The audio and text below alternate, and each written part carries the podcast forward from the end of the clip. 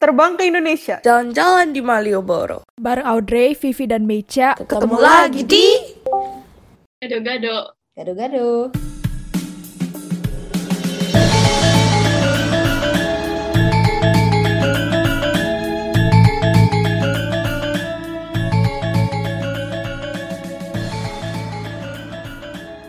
Hai guys, balik lagi ke, ke Gado-Gado Podcast. And hari ini kita ada kuliah world tour. And hari ini kita ada di Jerman. Yeay! ya, and hari ini kita ada dua teman kita lah yang sempat kuliah di Jerman. And boleh diperkenalkan nama, sekolah di mana, ngambil jurusan apa, berapa lama di Jerman. Oke, nama aku Michelle. Uh, aku tinggal di kota namanya Duisburg. Uh, aku baru baru aja lulus minggu ini kuliah jurusan software engineering S1 gitu. Nanti mau pindah ke Munchen buat kerjanya. Oh, Congrats. yeay! Thank you. Nama aku Fanny. Um, aku uh, waktu itu cuma pernah exchange ke Jerman selama satu tahun di kota Munich. Nama sekolahnya LMU. Apa tuh Ci kepanjangannya? Uh, Ludwig Maximilian University. Jurusannya bisnis, ambil bisnis. kita ini nggak pernah punya exchange student ya. Most of the time we only have student yang 4 tahun. So menarik sih to have something finally ada Ah. Variasi baru. Apa tadi bisa ada mau ngomong apa tadi? Enggak, apa kotanya sama, nanti aku mau ke situ. Tapi buat S2. Tapi aku ke uni yang satunya lagi. Jadi di sana ada dua gitu, LMU sama TUM. Aku ke TUM. Oh, mau lanjut S2, Ci? Iya, nanti Langsung? bulan Oktober tuh yang mulainya. Oke, oke. Eh, and sama masih software engineer. Eh, nama jurusannya Data Engineering and Analytics. Beda I sih. like analytics. Ya, ya. Oke. Gimana ya? Apa kabar, Ci? Ci Ferry, Ci apa kabar? Ah, to be honest, Baik. ini baru pertama kali aku sama Beca kenalan sama Ci Ferry. ini baru pertama kali Vivi sama Beca kenal sama Ci Michelle. Jadi this is actually the first episode where di luar kayak lingkaran sama kita gitu. Jadi mohon maaf kalau agak aneh or maybe because it's our first time. Nah, nah, we'll do well. Yeah, we'll do well. Okay. No problem. We can do Yeah. it. Uh, I guess we can jump into uh, kenapa kalian pilih Jerman. Kayak kalau Ci Michelle obviously kayak lebih awal kan uh, you uh, decided to go pas di high school. Iya. Gimana tuh journey-nya kayak uh, kamu milih Jerman atau terus kayak apa yang membuat Jerman menarik gitu. Hmm, sejujurnya kalau dulu pas SD tuh pengennya ke US gitu sebenarnya. Kayak setiap kali kalau ke orang-orang pasti kayak menyombongkan pokoknya nanti mau ke US gitu-gitu. Tapi eh sebenarnya karena keadaan keuangan aja sih maksudnya nggak memungkinkan lah udah tahu gitu dari mungkin SMP udah sadar gitu kayak susah sih ke US gitu. Jadinya kayak terus taunya di Jerman kuliah tuh gratis kan terus engineeringnya bagus dan kebetulan dari SMP kelas 9 aku mulai tahu kayak wah mau ngambil IT nih gitu terus Jerman gratis jadi kayak dari kelas 9 ya udah udah fix Jerman gitu walaupun sempat galau dikit gitu pas akhir SMA kan pada mulai daftar-daftar juga kan ke apa teman-teman ngeliat teman-teman daftar ke Hong Kong banyak terus jadi kayak mikir apa iya ya coba daftar ke Hong Kong gitu dan daftar gitu. Tapi pada akhirnya papa sih yang bilang juga kayak udah mendingan coba ke negara yang bukan Asia gitu. Kayak Eropa kan beda suasananya jadi mungkin bukan cuma belajar doang tapi belajar kultur baru juga gitu. Jadi akhirnya aku kayak ya udah ke Jerman. Gitu. Kalau ini gimana? Aku um, sebenarnya nggak ada kayak um, rencana harus ke Jerman gimana. Cuma uh, by the way aku um, home tuh di Taiwan dan kebetulan di universitas aku itu pas tahun ketiga dia tuh ada program buat exchange. Dan kebetulan tuh waktu itu ada pilihan beberapa university yang kerjasama sama universitas aku. Terus um, salah satu university itu ada yang di Jerman situ. Sebenarnya waktu daftar nggak ada spesifik harus um, aku pengen exchange ke Jerman atau gimana. Sebenarnya tujuannya tuh cuma pengen um, bisa ada pengalaman exchange ke Eropa sih sebenarnya. Tapi uh, pas lihat jadwal apa sih kayak daftar-daftar universitas yang ada kerjasama sama kampus aku um, yang paling bagus tuh kebetulan universitas yang di Jerman itu. Terus aku jadinya uh, daftar untuk exchange ke universitas itu terus akhirnya dapet ke yang Jerman. Itu aja sih. Ngelihat uh, negara-negara lain nggak? Uh, sempet cuma uh, pas aku udah kayak cari-cari tahu tentang info lebih emang tetap yang paling bagus itu universitasnya yang di Jerman sih itu sih. So aku jadi kayak daftarin um, dari pilihan nomor satu, kedua, ketiga gitu dan kebetulan dapet yang pilihan nomor satu aku itu yang ke Jerman. Nice. Gitu sih.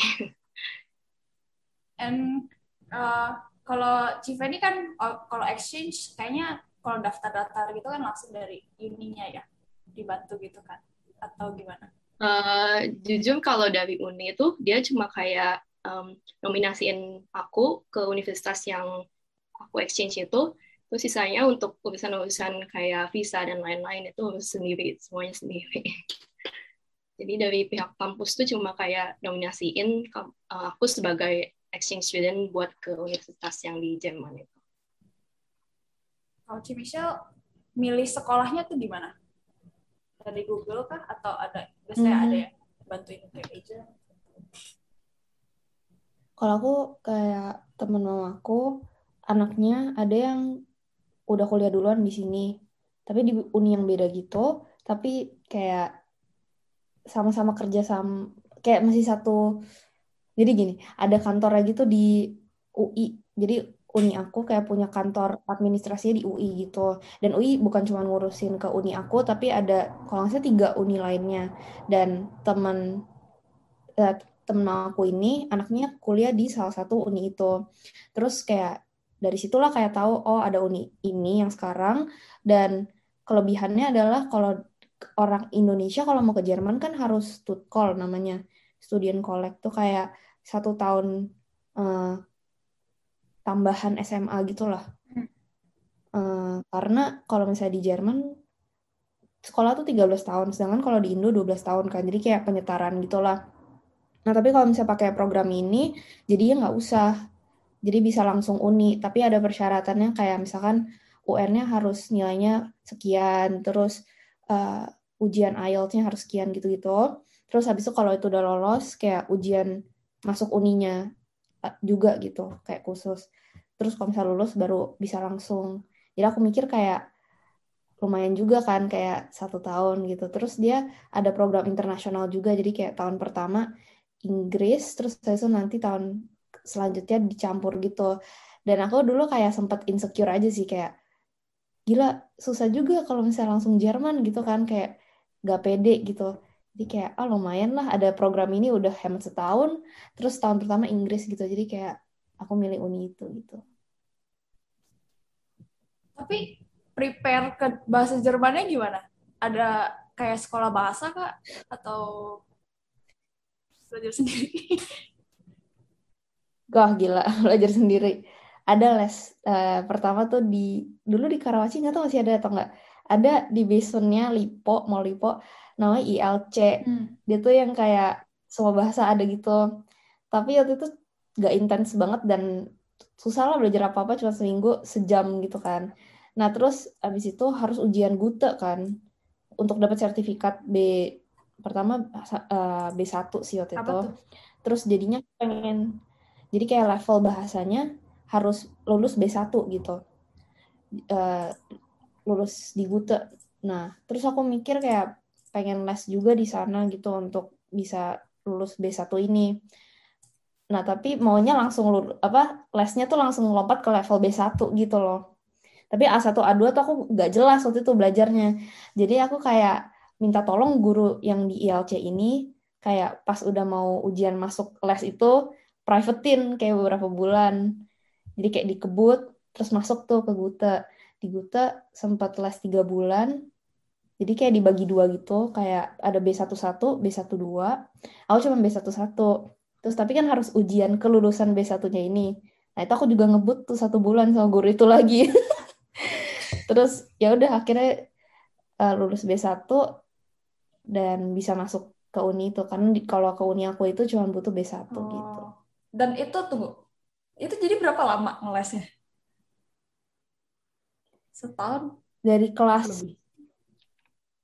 lebih-lebih kayak kalau di total tapi kan bolong-bolong gitu ya di tengah jadi kayak totalnya sampai lulus lah gitu tiga tahun tapi kayak yang seriusnya 5 sampai enam bulan mungkin kalau di total Berarti pas sampai sana, do you already udah udah beneran udah gak ada pegangan belajar bahasa Oh. Jerman lagi atau di situ masih ada sesuai dengan sana?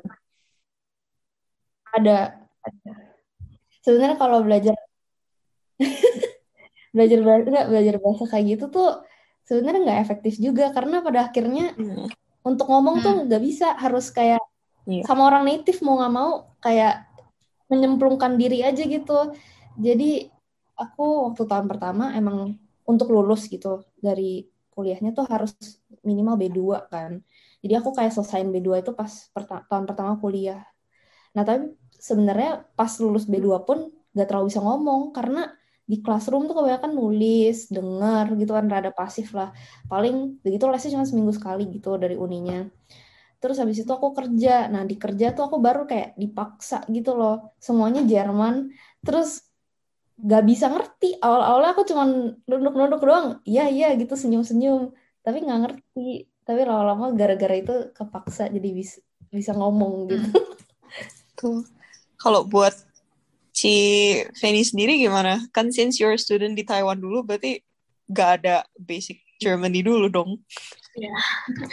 benar-benar uh, basic tapi untungnya pas exchange karena aku cuma exchange student kan jadi aku masih bisa ambil courses yang dalam bahasa Inggris pasti Jerman Tapi sana daily life-nya gimana? Harus tetap pakai bahasa Jerman.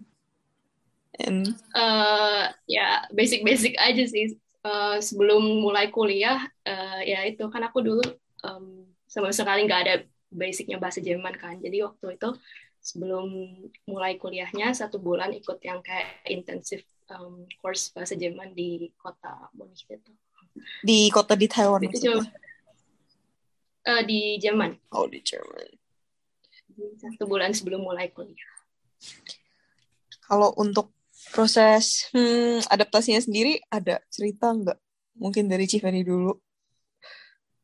Ada bedanya Um, apa gitu dari Taiwan mungkin?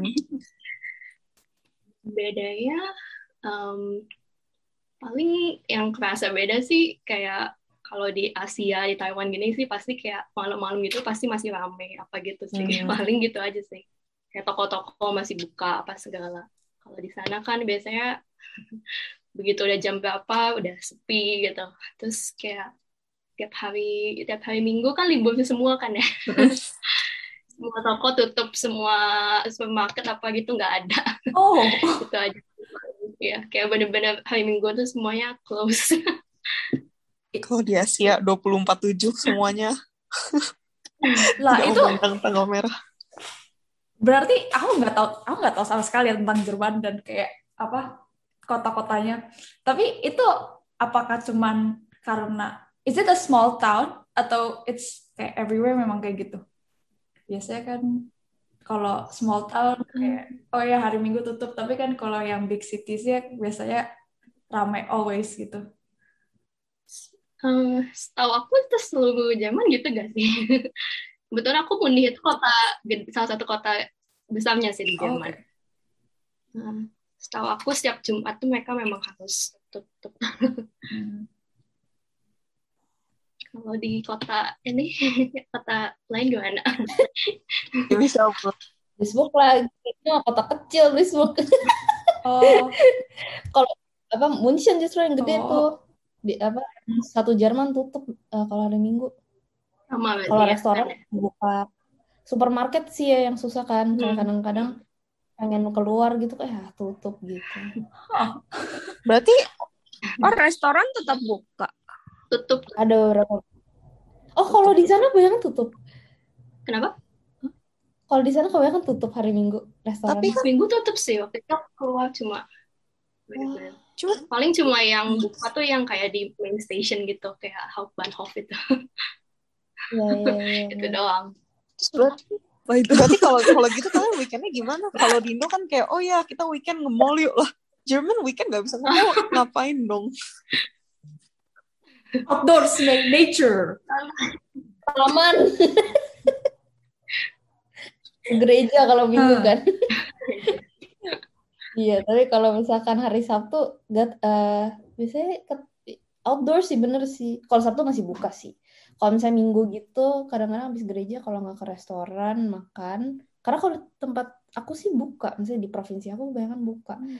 Terus iya kalau nggak ke taman outdoor sih bener sih. Orang sini demen banget. No, outdoors tuh ngapain? Hmm. Jadi kayak jalan-jalan aja atau ada aktivitas lain? Kalau lagi summer gitu kan apa Hmm. weathernya bagus gitu kan. Demen pada barbecue, jalan-jalan gitu. Kalau winter sih Di dalam aja.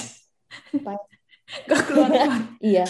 bener. Karena udah gelap gitu kan dari jam 4. Terus kalau misalkan ada Christmas market tuh Hmm. baru seru kayak makan gitu di luar. Hmm. Jadi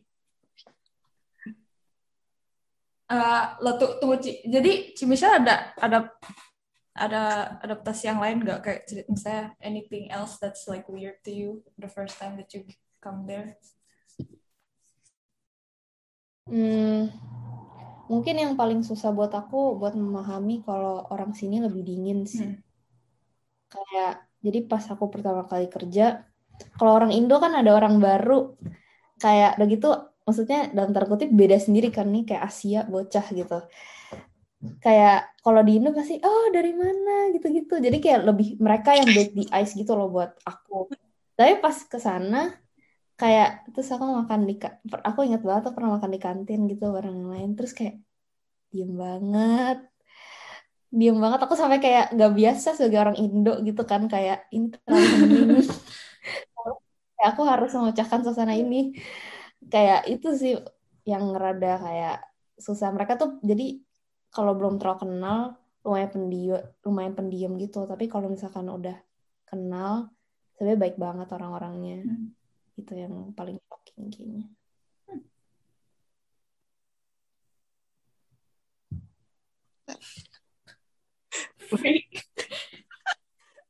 awkward silence. Oke. Terus berarti um, si Michelle ada part time job kan berarti. Oh, itu part time. Cici part iya itu part time kan Ci? iya iya benar benar benar Itu part time-nya kerja apa Ci? Eh, ada yang namanya working student gitu di sini. Jadi sambil belajar bisa kayak part time di apa perusahaan gitu. Itu aku kerja di perusahaan. Kayak ya tugasnya kayak ya kayak orang kerja tapi mungkin nggak seberat itu lah ya tanggung jawabnya. Karena kan aku cuman bisa setengah workload-nya mereka gitu. Jadi misalkan orang bisa yang full time 40 jam per minggu kalau misalnya aku 20 jam per minggu gitu Hmm. Terus ada waktunya gitu sambil sambil um, sekolah atau itu summer doang atau Karena kalau di sini kamu tuh nggak wajib datang buat lecture gitu. Jadi kayak aku nggak harus datang semua kelas gitu. Kalau menurut aku penting, ya aku datang. Tapi kalau misalnya menurut aku nggak penting, aku bisa pakai waktu itu buat kerja. Jadi kadang-kadang bisa seharian aku di kantor, atau ada juga hari kayak aku setengah hari di kantor, habis aku ke uni gitu. Terus kadang-kadang ada slot yang kayak tutorial misalkan, kayak dia banyak slotnya gitu kan, bisa pilih mau sore mau pagi gitu. Jadi kayak cukup fleksibel gitu loh jadwalnya. Udah gitu juga di sini bebas banget ngambil kayak eh, kalau di Indo kayaknya terjadwal gitu kan kayak semester satu mata kuliahnya harus ini 6 gitu yang ini terus kedua ini gitu misalkan kalau di sini terserah mau ngambil yang mana duluan atau cuman semester ini cuma ngambil satu atau bahkan nggak sama sekali saya mungkin mungkin aja gitu loh Hmm. fleksibel banget makanya bisa Eh, Oke oke oke oke that's actually nice. Soalnya kan katanya kuliahnya gratis kan. Jadi biasanya biasanya tuh aku mikirnya aduh duh, harus harus harus ngambil lima. Udah harus ngambil lima gitu. Kenapa? Soalnya kalau lebih dari itu aku harus bayar lagi gitu kan. Tapi kalau gratis oh iya iya. Itu benar kalau benar ngambil satu ya terserah. Itu jadi down downside-nya Hmm, iya. juga. Karena kadang-kadang kita jadi lupa kita kerja atau belajar gitu loh. Kayak kasih pun dapat duit gitu tapi ujiannya lupa gitu. Begitu cuman ada ujian pas akhir semester kan. Jadi kita tuh jarang ada yang kayak midterm terus PR tuh biasanya paling buat kalau aku sih buat bonus poin doang. Jadi kayak mau kerjain juga bodo amat kerjain juga nggak nggak kerjain juga nggak apa-apa gitu loh. Jadi cuman bebannya pas akhir. Jadi lu mau nggak belajar sama sekali satu semester yang penting lu lulus aja tuh ujian akhir gitu loh. Jadi ada breakdown kayak uh, final marknya gak atau cuman kayak oh ya 90% itu dari final score-nya gitu? Atau kayak 100% Oh, jadi beneran homework itu plus bonus doang yang bonus doang ya nggak ada persenannya. Sama nggak tuh waktu itu yang exchange kayak gitu sama juga? sama sama. Ya kan? Aneh banget gak sih? Itu Iya, juga shocking itu sih. shock juga sih waktu pertama. Saya aku di di sini di Taiwan kan beda nggak kayak gitu ya. Kayak misalnya ada presentase attendance berapa persen homework berapa persen terus ujian berapa persen. Midterm juga ada kan. Waktu ke Jerman pas tahu begitu eh, kaget juga sih. Kayak berarti benar-benar 100% tuh bergantung pada final exam kamu gitu. Tapi biasa menjelang final dikasih latihan nggak gitu? Kayak oh modal-modal soalnya begini nih gitu. Atau kalian bener-bener blindly just go for the test.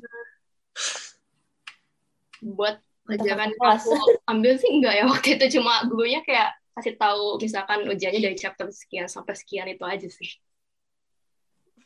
Nggak ada kayak prepare contoh soal buat exam gimana gitu. I see. Gila kalau kayak gitu aku bisa stres belajar SKS nanti.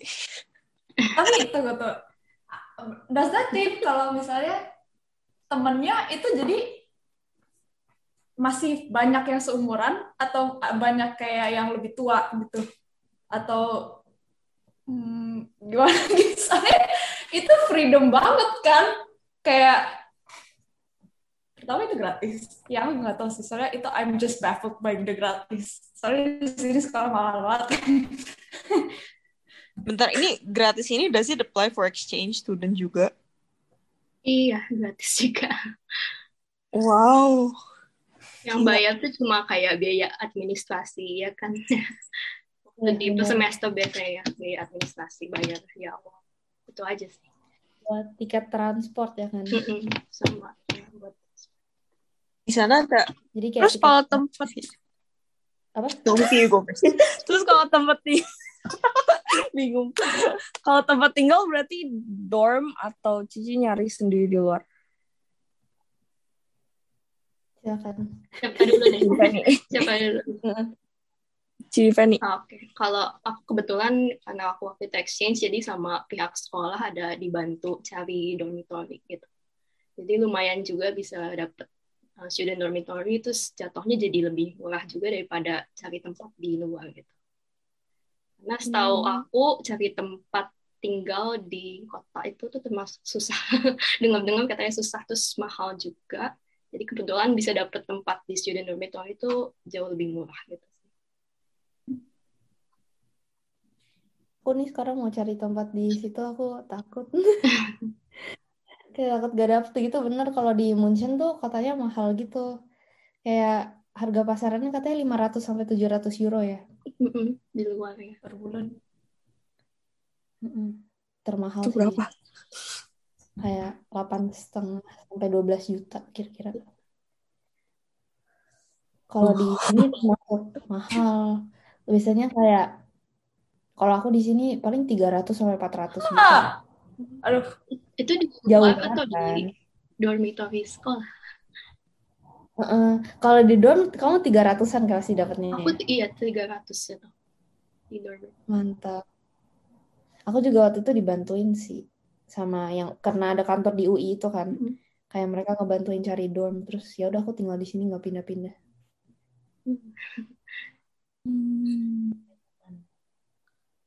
Berarti Cici juga tinggal di dorm. Mm-mm.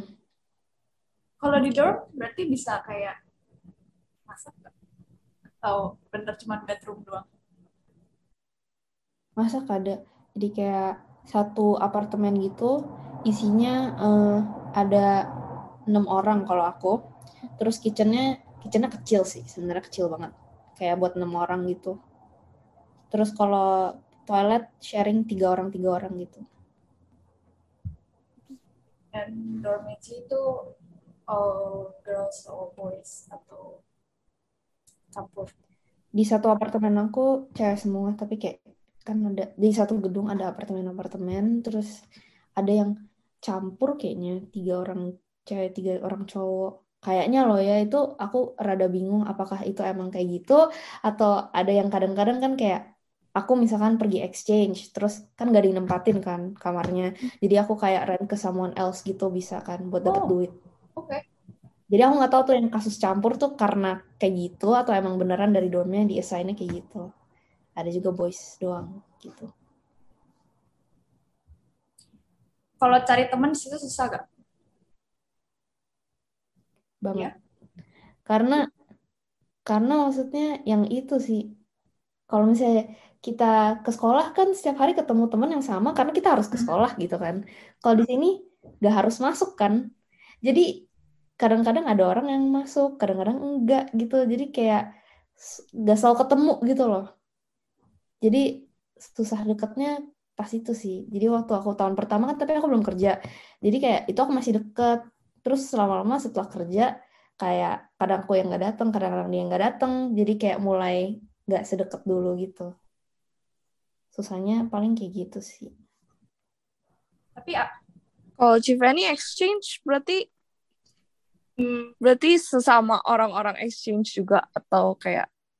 Ya sih ba- lebih banyaknya em, teman-teman aku sama anak exchange lain yang kayak international students juga. Soalnya kayak biasanya untuk anak exchange tuh dari kayak ada namanya Club Erasmus gitu mereka biasanya suka bikin acara-acara gitu buat international students buat kumpul-kumpul ketemu-ketemu jadi sebenarnya banyak ketemu temennya tuh di acara-acara itu sih hmm, Jadi kayak misalkan di kampus atau apa gitu ada itu gak? Biasanya kan di Hmm. mana-mana ada komunitas Indo gitu kan.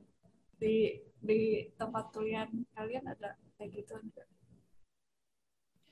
untuk di kota Munich tuh dia ada PPI Munich, tapi dia tuh nggak ada kayak misalkan di satu kampus em, perkumpulan mahas- mahasiswa Indonesia doang itu nggak ada gitu.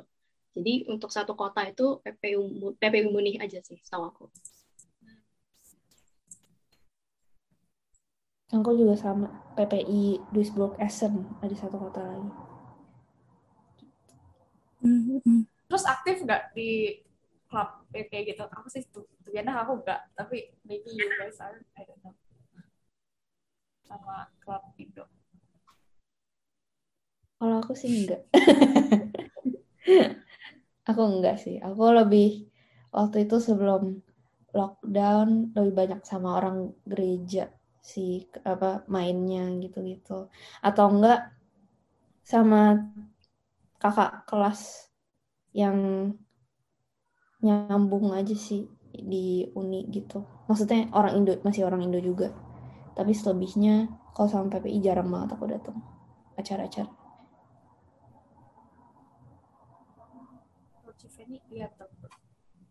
Eh, aku waktu semester 1 kan banyaknya kayak sama anak exchange lain, terus em, waktu sebelum semester 2 waktu itu sempat ikut acara sekali aja sih PPL Munich tapi udah itu langsung corona jadi langsung kayak banyak acara batal-batal gitu sih Berarti Civeni berapa berapa bulan di Jerman? Eh, satu tahun Hmm. Terus setengahnya gara-gara corona. ya semester keduanya kepotong ya itu covid Ya.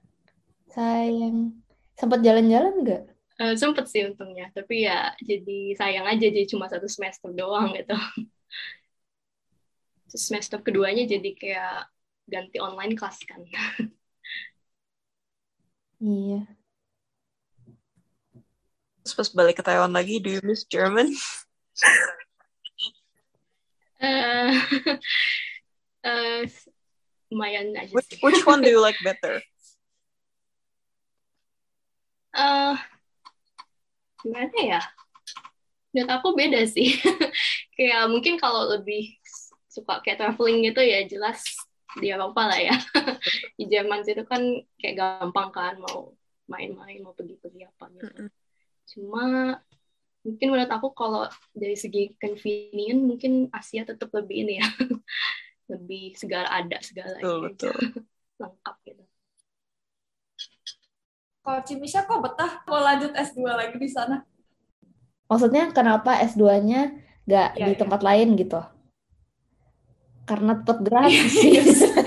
Itu big factor banget sih, udah kayak bener juga. Itu kayak faktor sangat Iya, penting iya, ya. iya. Masih pengen sebenarnya ke US tapi balik lagi Iya. Eugene. Jadi sini lagi gitu. Tapi pindah kota karena ya di sini kan kota kecil gitu ya. Bosen sih. Maksudnya pengen cari explore ke kota besar dan kebetulan untuk jurusan aku kayak uni itu paling bagus gitu. Makanya aku tuh daftar situ dan berharap banget masuk. Terus puji Tuhan masuk gitu. Kalau daftar di situ tuh ada, itu cuma kayak gimana, assign application doang, atau ada interviewnya, atau gimana? Apalagi buat S2. Setiap uni beda-beda sih. Tapi dan kayaknya setiap jurusan juga beda-beda requirement-nya terus prosedurnya gitu-gitu. Waktu itu kalau aku dia suruh kumpulin kayak misalkan letter of motivation, CV, eh, essay, terus nilai gitu-gitulah. Terus dia sortir dulu tuh. Kalau terus dia kayak sistemnya akumulasi poin kayak dinilai gitu. Misalkan motivation letter kamu nilai berapa? Aku nggak tahu pastinya nilai gimana. Tapi kalau misalkan kamu pass a certain threshold gitu, kayak langsung diterima. Kalau misalkan dari berapa sampai berapa, kamu diinterview. Jadi masih bisa iya, masih bisa enggak. Terus ada juga yang kalau di low, lebih bawah dari certain limit gitu, kamu udah bye-bye Hmm. gitu. Letter of motivation tuh kayak, kenapa kamu mau sekolah di situ? Gitu. Ya, ya. Oke. Eh, itu beda sama esai yang lain. Esai itu dia waktu itu mintanya paper. Aku kaget banget, aku nggak pernah kan apa nulis paper gitu sebelumnya. Maksudnya kecuali tesis ya. Terus dia minta scientific paper yang harus nge-cite gitu. Jadi itu tuh, cukup beban sih. Uh, oke. Maybe itu karena ini kali gara-gara jurusannya juga, maybe atau Ya mungkin. Kayak misalnya ter- tergantung jurusan sih nggak misalnya nggak uni lain nggak minta gitu cuman uni Simonsen aja yang nggak tahu kenapa minta jadi kayak beda-beda aja setiap uni dan jurusan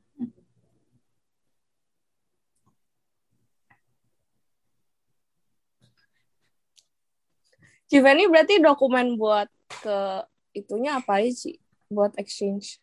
buat aku em, sebenarnya waktu mungkin karena udah ada kerjasama sama kampus di sini di Taiwan aku juga jadi sekarang aku nggak ada gitu gimana harus submit apa sih cuma paling em, kayak minimum requirement aja paling kayak IELTS minimum berapa kayak gitu aja sih Terus sama kayak transkrip nilai dua tahun terakhir di universitas aku di Taiwan itu itu aja sih paling Berarti do you have to write kayak Hmm. essay-essay yang kayak Cimichel atau nggak usah? Hmm, nggak sih nggak usah Ada kuotanya nggak buat exchange student? eh kalau untuk dari univ aku waktu itu kuotanya dua orang. Per angkatan, maksudnya per uni atau? Per uni kayaknya dia ada limitnya gitu. Jadi misalkan dari univ ini, dari univ ini gitu. Kalau waktu itu dari univ aku dua orang sih. Yang apply banyak kah? And, atau kalau memang dikit jadi you got it? eh setahu aku waktu itu yang apply banyak, tapi masalahnya universitas pilihannya juga lumayan ada beberapa gitu. Jadi aku nggak tahu Hmm. juga kalau mereka tuh apply-nya sama-sama ke Jerman kah atau ke negara lain kah gitu. Terus kalau misalnya lebih dari kuotanya, do you know kayak itu biasa di lottery atau gimana? Nggak tahu. Oh, kalau kalau misalkan yang daftarnya lebih banyak gitu, biasanya ya mungkin dia bakal dapat pilihan kedua atau ketiga gitu, I see. tergantung sisanya gitu. Berarti boleh apply berapa uni, Ci?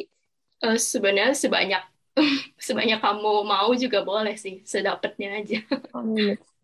Oh. Cuma nanti kalau apa sih, biasanya dia tuh buka dua kali slot gitu. Misalkan eh, tahap pertama, misalkan kamu dari pilihan-pilihan kamu itu tetap gak dapet. Terus nanti tahap dua dia buka lagi, tapi pilihan liftnya ya yang sisanya terbatas gitu. Hmm. Berarti LMU ini pilihan yang pertama atau bukan? Aku ini LMU pilihan pertama sih. Wow. Berarti laki bisa dapet dong. Iya. Buat Ci Michelle, did you only apply to that one uni? Waktu itu daftarnya bener-bener cuma gitu aja. S1 atau S2? Eh buat keduanya. Kalau S1 ini doang. Terus makanya stres tuh kalau nggak dapet ya. Iya. Kalau S2 aku sempat apply beberapa, cuman karena aku cuma apply-nya yang deadline-nya emang cukup early gitu. Jadi seandainya itu nggak keterima, baru aku kayak mulai daftarin yang lain karena mereka yang lain masih lama gitu. Terus karena udah ketemu yang ini, jadi aku cuma apply waktu itu 5. Terus yang sisanya aku nggak jadi aku apply. Karena udah dapet dulu. Iya. Susah nggak sih apply ke sekolah kuliah di Jerman? Eh, balik lagi tergantung uni dan jurusan gitu sih. Ada jurusan yang as long as kamu fulfill kriterianya, udah fix masuk. Oke. Maksudnya jadi nggak ada limit kuotanya gitu. Ada juga yang di limit gitu, jadi kayak harus tetap bersaing. Ada juga yang masuk-masuk aja kayaknya ada deh. As long as punya duit gitu. Itu kalau berbayar mungkin kayaknya. Lebih gampang lah kayak swasta Right, gitu. right. Uh, kalau yang I want to go back to yang itu Ci, tadi part time job. Berarti part time job itu dari tahun pertama boleh langsung atau hmm, harus misalnya minimal tahun kedua gitu, tahun ketiga gitu. Boleh. Jadi kayak kalau misalnya di sini ada student visa kan. Nah, itu kayak kamu dapat kuota maksimal boleh berapa jam gitu per per enam bulan Oke. ya kalau nggak salah. Aku rada lupa gitu. Tapi kayak ada kuotanya gitu dan as long as ada visanya bisa kerja gitu. Yang penting selalu ada visa sih.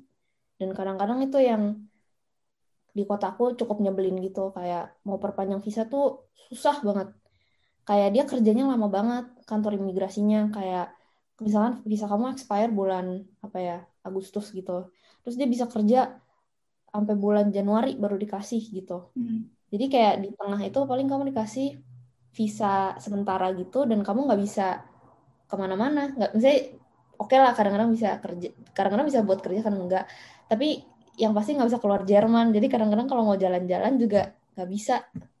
Dan itu karena kantor imigrasinya yang lama gitu itu yang nyebelin sih. Terus kalau international student itu gampang nggak cari kerja? Atau aku tahu kan biasa ada negara-negara yang lebih prioritasin orang lokal gitu, terus lebih milih orang lokal. Kalau di experience Cici gimana? menurut aku itu tergantung jenis pekerjaannya juga kalau misalkan kamu kerja kayak di restoran yang kayak jaga boba atau jaga restoran gitu ya nggak nggak matter sih Hmm. kayak kamu dari backgroundnya apa yang penting bisa kerja kan tapi kalau misalkan di perusahaan yang aku rasa sih yang paling penting bisa bahasa Jerman sih. Hmm. jadi waktu itu aku keterima sebenarnya menurut aku kayak anugerah Tuhan banget. Karena aku di interview senyum-senyum haha gitu kan. Susah mau ngomong tapi entah kenapa diterima gitu. Dan di situ aku baru belajar. Jadi, tapi ya pas di jobnya aku baru ngerasa kayak ngerti bahasa Jerman bisa komunikasi ya penting gitu. Kalau nggak nggak bisa speak up gitu-gitu kan. Nggak bisa diskusi. Hmm. Dan mungkin eh, ini juga sih bahasa Jerman makin penting lagi kalau misalkan kamu jurusannya kayak bisnis Hmm. yang maksudnya ngomong tuh kayak daily banget udah harus gitu loh kayak presentasi mungkin lebih sering gitu rap nego sama orang lebih sering kalau aku kan IT ya Jadi maksudnya kebanyakan aku juga sama laptop aja gitu kerjanya. Hmm. Uh, berkutik sendiri. Jadi mungkin masih nggak apa-apa kalau Jermannya nggak sebagus itu gitu. Berapa lama kerja di situ? Dua tahun akhirnya. Wow, lama Very juga. long. Berarti itu nyarinya dari mana, Ci? Nyari sendiri atau kayak ada I don't Hmm. know, Dari uni. intern or what? I don't know. Kayak kayak cari job biasa aja kayak ke LinkedIn, ke ada portal di sini Hmm. namanya Stepstone. Gitu-gitu di job portal job portal biasa. Hmm. Biasa sekolah ada yang bantuin nggak gitu-gitu? Enggak sih, Oh. terlalu. Kecuali tapi aku pernah dengar kakak kelas aku tuh dia eh, pertama dia kerja sama dosen dulu, jadi dua kenal kan. Nah terus eh, si dosennya ini punya channel ke perusahaan di perusahaan aku juga tuh Hmm. kebetulan. Terus jadi dia ditawarin eh, ini lagi nyari orang nih, mau nggak lu kerja di sana gitu. Makanya dia bisa dapat gitu. Hmm. Itu sih yang aku tahu. Kalau dari profesor ternyata bisa. Ngomong-ngomong profesor di situ gimana? Kayak uh, do they care about their students? Atau kayak Mungkin yang exchange dulu kali. Aku kayak nggak punya reference yang lain kan. Kalau ini bisa bandingin Taiwan sama Jerman. iya. Eh, gimana ya? Sebenarnya hmm, biasa aja sih kalau menurut aku kayak ya profesornya lecture biasa kayak oh terus waktu itu kalau kelas ada tutorial gitu paling itu kayak kelas TA-nya gitu ya. Itu aja sih paling. Gak ada gimana kayak misalkan profesor sama student ada apa ya maksudnya kayak perhatian lebih atau gimana enggak sih. Kayak bener-bener cuma lecture aja. Cuma em, ada waktu itu em, seingat aku tuh ada beberapa kelas. Oh ada salah satu kelas yang aku ambil yang kayak misalnya itu satu course tapi selama satu semester itu bisa ada kayak enam profesor gitu jadi kayak misalkan tiap minggu satu dua minggu pertama profesornya ini terus nanti Oh. minggu keempat sampai minggu keenam profesornya ganti lagi gitu itu aja sih menurut aku kayak unik juga bisa satu course tapi profesornya banyak gitu. Tapi finalsnya berarti tetap satu. Eh, finalnya tetap satu cuma kayak gurunya beda-beda aja Setiap profesor satu terkenal satu satu Langsung For one finalnya.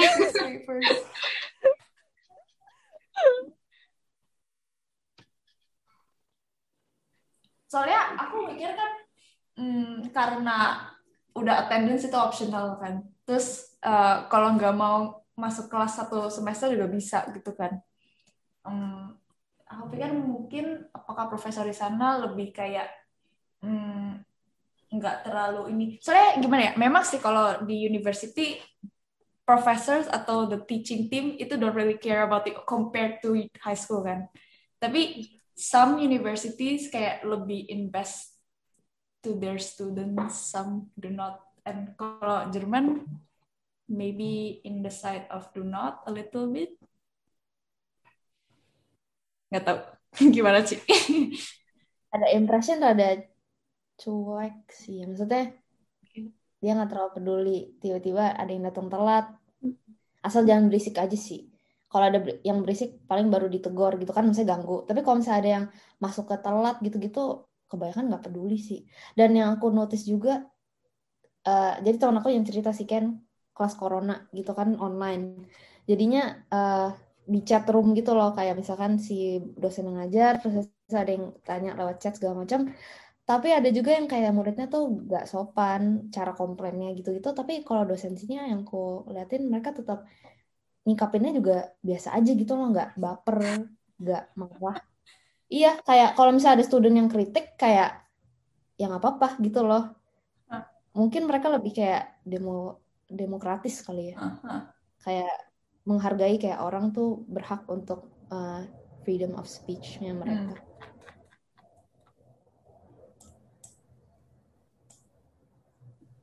I'm still like trying to process apa yang Ci Michelle omongin. Kenapa? Oh. kayak kayak I, gak tahu ya karena kan I don't know maybe because all my life aku selalu di Asia kan terus ya kalau di Asia ya you have to respect the teachers and stuff like that and they get offended when you complain about them gitu kan yang kayak kalau kita isi questionnaire midterm questionnaire or something yang kita kayak say bad stuff about them they will offend you in class yang kayak Oh, Lab. Lah bukannya tapi anonymous biasanya kayak gitu. iya tapi ternyata sistemnya itu kayak apa ya sistemnya itu ternyata gurunya tuh tahu kayak namanya tuh keluar ternyata sebenarnya kalau gitu bukan anonymous. Gimana? Wow, serem ya. Iya. Kalau oke, kalau oke. ada ada like ada lecture pasti. Ada tutorial sama praktikal gitu nggak? Maksudnya harus magang. Enggak. Apa Jadi kalau at least kalau aku kelasnya itu dibagi jadi tiga eh, type. Satu lecture yang biasa profesor gitu kan. Yang kedua tutorial jadi lebih kayak kadang ngerjain sample question gitu tuh sama teaching assistant gitu biasanya graduate student gitu. Yang ketiga buat aku namanya practical terus tuh biasanya kalau course yang ada practicalnya ya kayak lab kalau saya coding ada uh, yang yang beneran practicalnya gitu. Kalau lecture kan teorinya. Kalau di situ ada nggak? Kayak gitu. Hmm, kalau aku dibagi lecture, exercise, tutorial. Jadi kalau lecture ya sama, exercise-nya itu ngebahas soal juga, tapi guru, lebih satu arah. Jadi kayak langsung dikasih jawabannya gitu. Biasa dia upload sebelum exercise-nya, terus kau terserah mau kerjain dulu di rumah atau ya udah cuman datang situ nyatet jawaban. Kalau tutorial sama, yang kayak ngebahas bareng kayak ada apa tutornya gitu yang ngebantuin kerjain soal gitu. Terus um, kalau gitu ada a lot of group work atau enggak in the courses? Kalau aku enggak sih Oh, kebetulan. enggak ada sama sekali. Paling PR. Kalau PR kadang-kadang kamu cuma boleh submit kalau sama temen gitu. Hmm. Nggak tahu mungkin biar mempercepat koreksinya gitu kali ya aku nggak ngerti. Tapi kalau kayak project gitu aku nggak ada. Tapi tergantung uni juga sih. Ada juga yang kayak jurusan aku tapi uni lain ada mereka disuruh kerjain project gitu. Kalau bisnis, Kalau berarti Civeni ada project ya. Eh, aku tergantung mata pelajaran yang kamu ambil. Soalnya aku ada mata pelajaran yang kayak tadi udah bilang kayak cuma lecture sama tutorial aja gitu. Paling kalau yang tutorial gitu paling cuma kayak ada small discussion gitu doang pasti kelas tutorial. Tapi aku ada lagi ambil satu course yang emang final examnya tuh final project gitu. Jadi mau nggak mau pasti harus ada kerja kelompok. Terus dari awal kelasnya juga udah kayak dibagi kelompok gitu. Itu aja sih paling. Tergantung kelas yang diambil juga. Hmm. Mhm. Hmm. Soalnya kalau aku setiap course pasti ada group project. jadi makanya kayak kadang tuh nyebelin gitu loh. Eh jadi curhat. Jadi kayak siap siap siap course timnya beda. Terus banyak zoom apalagi covid kan baik zoom meeting kayak gini terus bisa sampai malam terus kayak projectnya lama susah gitu ya tapi anyways um, kalau gitu uh, apakah bisa dikonklusikan kalau kalian suka kuliah di Jerman? Apa yang kamu suka apa yang kamu gak suka? Pros and cons. And maybe apakah ada kayak advice gitu sama yang younger students atau current yang student sekarang gitu yang sekolah di sana? Ya dari Indo juga mungkin. Long question long list of questions. Ya. yang mana nih? Duluan nih? Fanny duluan. Eh, apa ya? Sebenarnya ya kalau ngelihat dari ya biaya kuliah kan jelas Jerman ini kan apa sih free of tuition gitu. Jadi ya dari segi itu mungkin bisa ya boleh juga lah oke gitu. Um, kalau untuk um, kayak sosialisasi gitu mungkin aku saranin sering-sering ikut acara gitu kali ya. Kayak acara international students atau mungkin ikut acara PPI juga gitu. biar ketemu banyak teman-teman lain juga soalnya emang kalau cuma ketemu temen di kelas itu lebih kayak chance untuk make friends-nya lebih kecil gitu soalnya kan kayak tadi udah bilang kayak kelas juga kadang suka ketemu kadang enggak gitu lebih banyak bertemannya dari acara-acara di luar sekolah sih gitu sih Oh, setuju sih. Kalau soal berteman, kayak mungkin lebih baik carinya dari luar gitu. Sayang di uni ya bisa, cuman rada susah aja kadang-kadang. Terus paling yang pros karena iya pertama gratis, terus kedua karena sebenarnya ini bisa pro sama con sih. Ada orang yang suka, ada yang nggak suka. Pertama nggak suka karena terlalu apa fleksibel gitu kan jadwalnya. Terus kayak beban examnya cuma di akhir gitu awalnya nggak kebiasa tapi lama-lama kalau dipikir bisa digunain untuk kerja gitu misalkan. Jadi apa namanya jadi dapat work experience yang lebih juga. Jadi sebenarnya pada akhir aku ngerasa tergantung aku manage waktunya sendiri gimana gitu loh di dalam jadwal yang sangat fleksibel ini gitu. Terus kalau saran ya mungkin make the most out of your student life sih. Karena menurut aku di sini cukup menguntungkan gitu jadi student. Kayak banyak hal yang gratis terus uh, profesor juga kayak selalu open gitu loh kalau mau nanya. Terus karena masih student juga kayak kerja pun kamu berbuat salah juga belum terlalu apa ya lebay konsekuensinya kan. Paling ya ditegur gitu loh. Tapi yang nggak sampai selalu dipecat gitu kan kayak gimana sih masih dimaklumin lah gitu kalau kamu make mistakes. Jadi lebih senang juga kan belajarnya gitu. Jadi nanti pas udah di dunia kerja gak terlalu kaget gitu loh. Itu sih mungkin. Ada tips nggak buat ngatur flexible schedule itu? Mungkin perbanyak kegiatan kali ya. Tapi kan sebenarnya apa prioritas tiap orang beda-beda ya. Ada yang mungkin harus konsentrasi sama pelajaran ya nggak apa-apa. Ya rajinlah datang ke kelas walaupun nggak di absen kan. Terus kalau misalkan emang mau gain experience di luar ya apply kerja atau bukan harus di perusahaan juga ada juga di uni gitu jadi research assistant juga bisa atau kalau suka bersosialisasi ya cari teman di luar kayak misalkan lewat komunitas apa kayak gitu. Soalnya ekskul juga rada jarang sih kalau di uni. Aku nggak tahu kalau di Munchen gimana. Tapi rada susah cari ekskul. Kayak aku mau ikut orkes waktu itu penuh nggak bisa. Terus gak ada kegiatan lain. Jadi mungkin ada klub-klub yang di luar uni yang aku juga kurang tahu. Dan mungkin kayak share hobi yang sama. Misalnya olahraga gitu kan. Jadi mungkin jadi dapat kegiatannya dari situ gitu gitu bisa di ini enggak benar gak sih di situ ada banyak klub nggak? Uh, klub gitu aku kurang tahu juga sih. Cuma pas waktu karena aku exchange jadi yang aku tahu cuma kayak ada klub yang Erasmus gitu sama-sama anak internasional itu aja sih international student Oke, oke.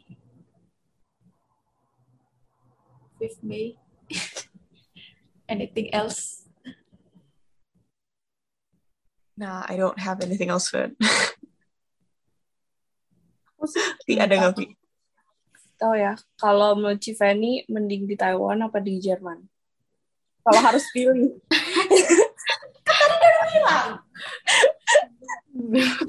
Dari segi apa dulu nih? overall, overall. Dari semua. Overall. Beda sih, aku nggak tahu juga gimana bandinginnya.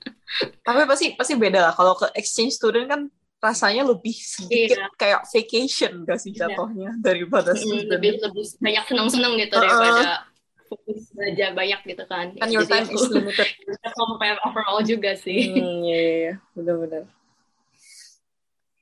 Raffi, kamu mau mau, mau cobain Jerman juga? Aku nggak bisa bahasanya, di sini aja aku nggak bisa. Oke, um, thank you Civani sama Ci Michelle buat uh, interviewnya kali ini. Um, I guess learn a lot karena Ya, we don't know much about Germany kan. I know zero of Germany. Uh-huh, uh-huh. Okay. okay, thanks guys. Uh, tuning in. Thank you juga. Thank you, Ci. Thank you. Wait, wait, wait. I almost forgot. So this week gua in charge of the, of giving you guys a recommendation of the week dan minggu ini gue pengen rekomend kalian satu album dari Korean boy group Second Generation. Kalau kalian suka Second Generation kayak gua, you guys are going to like 2 PM's latest comeback with their album Must. Title songnya Make It. Go and check it out on YouTube. It's a cool one. We should say bye. Oh yeah, bye. Bye. Bye. Bye.